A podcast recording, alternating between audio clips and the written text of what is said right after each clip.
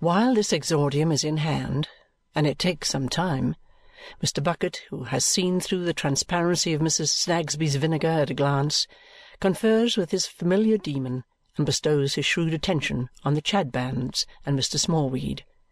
Sir Leicester Dedlock remains immovable, with the same icy surface upon him, except that he once or twice looks towards Mr. Bucket as relying on that officer alone of all mankind. "Very good," says Mr. Bucket. "Now, I understand you, you know. And being deputed by Sir Leicester Dedlock, Baronet, to look into this little matter," again Sir Leicester mechanically bows in confirmation of the statement, "can give it my fair and full attention. Now, I won't allude to conspiring to extort money, or anything of that sort, because we are men and women of the world here, and our object is to make things pleasant. But I tell you what I do wonder at. I am surprised that you should think of making a noise below in the hall. It was so opposed to your interests. That's what I look at." "We wanted to get in," pleads Mr. Smallweed. "Why, of course you wanted to get in," Mr. Bucket asserts with cheerfulness. "But for a old gentleman at your time of life what I call truly venerable, mind you with his wits sharpened, as I have no doubt they are, by the loss of the use of his limbs, which occasions all his animation to mount up into his head, not to consider that if he don't keep such a business as the present as close as possible, it can't be worth a mag to him, is so curious. You see, your temper got the better of you. That's where you lost ground," says Mr. Bucket in an argumentative and friendly way. I only said I wouldn't go without one of the servants came up to Sir Leicester Dedlock," returns Mr. Smallweed. "That's it. That's where your temper got the better of you. Now, you keep it under another time, and you'll make money by it. Shall I ring for them to carry you down?" "When are we to hear more of this?" Mrs. Chadband sternly demands. Bless your heart for a true woman! Always curious, your delightful sex is, replies Mr. Bucket with gallantry. I shall have the pleasure of giving you a call to-morrow or next day, not forgetting Mr. Smallweed and his proposal of two fifty. "Five hundred!" exclaims Mr. Smallweed. All right. Nominally five hundred. Mr. Bucket has his hand on the bell-rope. Shall I wish you good day for the present on the part of myself and the gentleman of the house? he asks in an insinuating tone. Nobody having the hardihood to object to his doing so, he does it, and the party retire as they came up. Mr. Bucket follows them to the door, and returning, says with an air of serious business, "Sir Leicester Dedlock, Baronet, it's for you to consider whether or not to buy this up. I should recommend, on the whole, it's being bought up myself, and I think it may be bought pretty cheap. You see, that little pickled cowcumber of Mrs. Snagsby has been used by all sides of the speculation and has done a deal more harm in bringing odds and ends together than if she had meant it. Mr. Tulkinghorn, deceased, he held all these horses in his hand and could have drove 'em his own way, I haven't a doubt, but he was fetched off the box head foremost, and now they have got their legs over the traces and are all dragging and pulling their own ways. So it is, and such is life. The cat's away, and the mice they play. The frost breaks up, and the water runs. Now, with regard to the party to be apprehended. Sir Leicester seems to wake, though his eyes have been wide open, and he looks intently at Mr. Bucket as Mr. Bucket refers to his watch.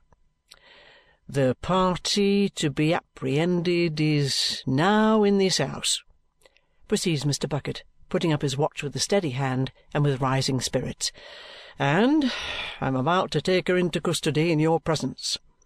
Sir Leicester Dedlock, Baronet, don't you say a word nor yet stir. There'll be no noise and no disturbance at all. I'll come back in the course of the evening, if agreeable to you, and endeavour to meet your wishes respecting this unfortunate family matter and the nobbiest way of keeping it quiet. Now, Sir Leicester Dedlock, Baronet, don't you be nervous on account of the apprehension at present coming off. you shall see the whole case clear from first to last. Mr. Bucket rings, goes to the door, briefly whispers Mercury, shuts the door, and stands behind it with his arms folded. After a suspense of a minute or two, the door slowly opens, and a Frenchwoman enters, Mademoiselle Hortense. The moment she is in the room, Mr. Bucket claps the door to and puts his back against it. The suddenness of the noise occasions her to turn, and then for the first time she sees Sir Leicester Dedlock in his chair. Ah, I ask your pardon, she mutters hurriedly. They tell me there was no one here. Her step towards the door brings her front to front with Mr. Bucket. Suddenly a spasm shoots across her face, and she turns deadly pale. "This is my lodger, Sir Leicester Dedlock," says Mr. Bucket, nodding at her. "This foreign young woman has been my lodger for some weeks back." "What do Sir Leicester care for that, you think, my angel?" returns mademoiselle in a jocular strain.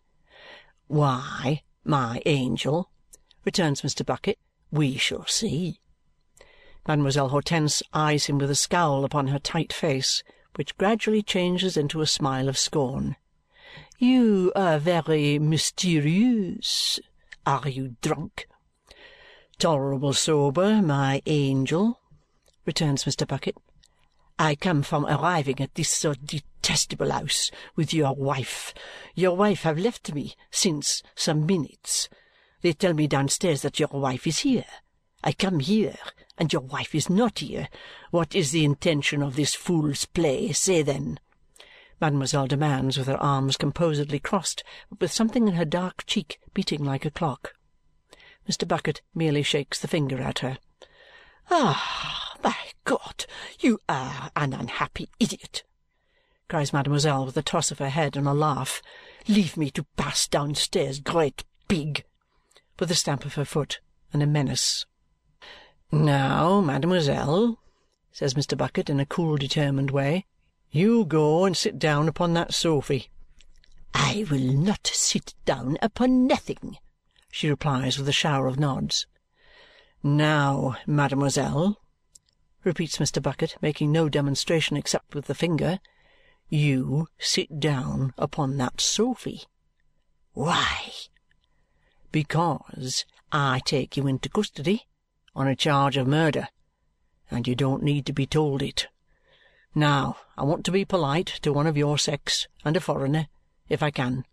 If I can't, I must be rough, and there's rougher ones outside. What I am to be depends on you, so I recommend you, as a friend, afore another half a blessed moment has passed over your head, to go and sit down upon that sofy. Mademoiselle complies, saying in a concentrated voice, while that something in her cheek beats fast and hard, "You are a devil!" "Now, you see," Mr. Bucket proceeds approvingly, "you're comfortable and conducting yourself as I should expect a foreign young woman of your sense to do. So I'll give you a piece of advice, and it's this. Don't you talk too much.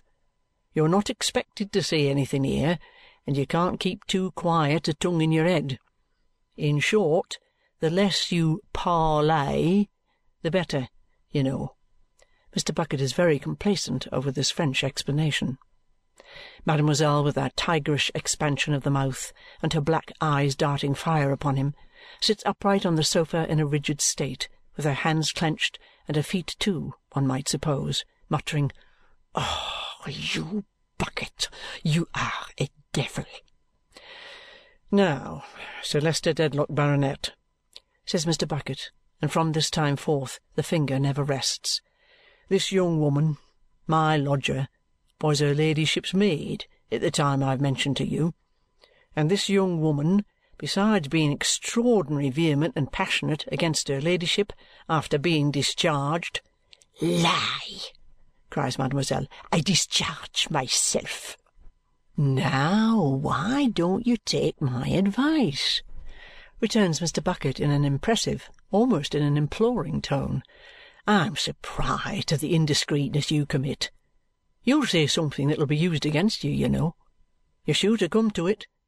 Never you mind what I say till it's given in evidence. It is not addressed to you." "Discharged too!" cries mademoiselle furiously. "By her ladyship! Eh? My faith, a pretty ladyship! Why, I ruin my character by remaining with a ladyship so infame." "Upon my soul, I wonder at you," Mr. Bucket remonstrates. "I thought the French were a polite nation. I did, really. Yet to hear a female going on like that before Sir Leicester Dedlock, Baronet!" "He is a poor abused," cries mademoiselle. "I spit upon his house, upon his name, upon his imbecility!" All of which she makes the carpet represent. "Oh, that he is a great man! Oh, yes, superb! Oh, heaven! Bah!" "Well, Sir Leicester Dedlock," proceeds Mr. Bucket, "this intemperate foreigner also angrily took it into her head that she had established a claim upon Mr. Tulkinghorn, deceased, by attending on the occasion I told you of at his chambers, though she was liberally paid for her time and trouble." "Lie!" cries mademoiselle. "I refuse his money altogether." "If you will parley, you know," says Mr. Bucket parenthetically, "you must take the consequences. Now, whether she became my lodger, Sir Leicester Dedlock, with any deliberate intent then of doing this deed and blinding me, I give no opinion on, but she lived in my house in that capacity at the time that she was hovering about the chambers of the deceased Mr. Tulkinghorn with a view to a wrangle, and likewise persecuting and half frightening the life out of an unfortunate stationer." "Lie!" cries mademoiselle. "All lie!" "The murder was committed, Sir Leicester Dedlock, Baronet, and you know under what circumstances. Now, I beg of you to follow me close with your attention for a minute or two. I was sent for, and the case was entrusted to me. I examined the place, and the body, and the papers, and everything. From information I received from a clerk in the same house, I took George into custody as having been seen hanging about there on the night, and at very nigh the time of the murder; also as having been overheard in high words with the deceased on former occasions, even threatening him, as the witness made out. If you ask me, Sir Leicester Dedlock, whether from the first I believed George to be the murderer, I tell you candidly, no. But he might be, notwithstanding, and there was enough against him to make it my duty to take him and get him kept under remand. Now observe." As Mr. Bucket bends forward in some excitement, for him, and inaugurates what he is going to say with one ghostly beat of his forefinger in the air, Mademoiselle Hortense fixes her black eyes upon him with a dark frown and sets her dry lips closely and firmly together. I went home, Sir Leicester Dedlock, Baronet, at night and found this young woman having supper with my wife, Mrs. Bucket. She had made a mighty show of being fond of Mrs. Bucket from her first offering herself as our lodger, but that night she made more than ever in fact, overdid it. Likewise she overdid her respect, and all that, for the lamented memory of the deceased Mr. Tulkinghorn. By the living Lord, it flashed upon me as I sat opposite to her at the table and saw her with a knife in her hand that she had done it.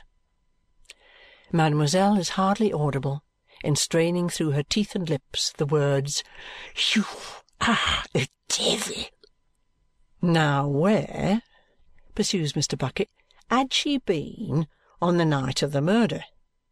She had been to the theayter.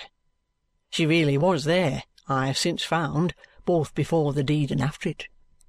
I knew I had an artful customer to deal with, and that proof would be very difficult, and I laid a trap for her. Such a trap as I never laid yet, and such a venture as I never made yet. I worked it out in my mind while I was talking to her at supper. When I went upstairs to bed, our house being small and this young woman's ears sharp, I stuffed the sheet into Mrs. Bucket's mouth that she shouldn't say a word of surprise, and told her all about it. My dear, don't you give your mind to that again, or I shall link your feet together at the ankles. Mr. Bucket, breaking off, has made a noiseless descent upon mademoiselle and laid his heavy hand upon her shoulder. "What is the matter with you now?" she asks him. "Don't you think any more," returns Mr. Bucket with an admonitory finger, "of throwing yourself out of window. That's what's the matter with me. Come, just take my arm. You needn't get up. I'll sit down by you. Now, take my arm, will you? I'm a married man, you know. You're acquainted with my wife. Just take my arm."